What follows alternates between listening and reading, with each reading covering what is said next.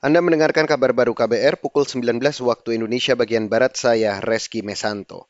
Saudara Konfederasi Serikat Pekerja Indonesia atau KSPI meminta para pengusaha membayar penuh tunjangan Hari Raya atau THR buruh. Sebab menurut Presiden KSPI Said Iqbal, mayoritas perusahaan di Indonesia sudah mendapat keuntungan karena kondisi ekonomi telah membaik. Kondisi makroekonomi Indonesia makin membaik.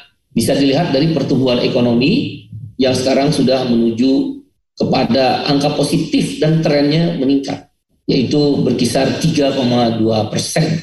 Ini berarti semua sektor sudah bergerak, semua industri sudah bergerak. Berarti perusahaan sudah memperoleh keuntungan, perusahaan sudah menuju kembali kepada normal.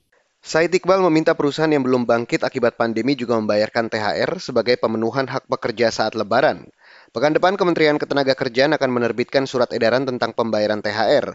Dalam edaran itu, perusahaan diminta mengikuti membayar THR paling lama tujuh hari sebelum Hari Raya Keagamaan.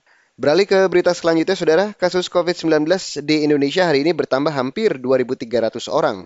Tercatat ada 152.000 sampel spesimen yang telah diperiksa. Penambahan juga terjadi pada angka kesembuhan, yakni sebanyak 7.000 lebih pasien.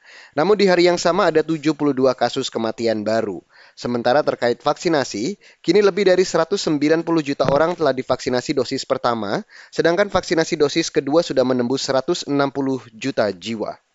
Saudara, pemerintah kota Balikpapan bakal menghentikan kegiatan proyek pembangunan smelter nikel di Karyangau jika ditemukan kerusakan lingkungan atau pelanggaran lain. Hal ini disampaikan Wali Kota Balikpapan Rahmat Masud menindaklanjuti laporan pegiat lingkungan terkait dugaan kerusakan hutan mangrove akibat proyek pembangunan smelter nikel di Karyangau.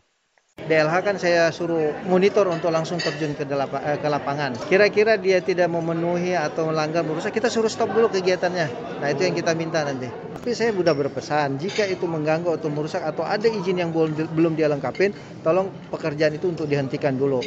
Nah adapun izin-izin dia harus lengkapin dulu sesuai dengan regulasi dan persyaratan yang Saudara itu tadi Wali Kota Balikpapan Rahmat Masud. Sebelumnya, pegiat lingkungan di sana menyebut telah terjadi kerusakan di Sungai Tempadung, Kelurahan Karyangau, Teluk Balikpapan. Kerusakan itu imbas pembangunan smelter nikel di wilayah itu. Kita beralih ke berita olahraga, saudara. Pebulu tangkis tunggal putra Indonesia, Cesar Hiren, melaju ke babak 16 besar turnamen Korea Terbuka 2022 setelah menang melawan tunggal putra Thailand Citycom. Cesar menang dengan skor 21-18, 14-21, dan 21-9 dalam pertandingan yang berlangsung selama 64 menit. Di partai sebelumnya, tunggal putra Anthony Ginting kalah di babak awal. Dan saudara, demikian kabar baru saya Reski Mesanto.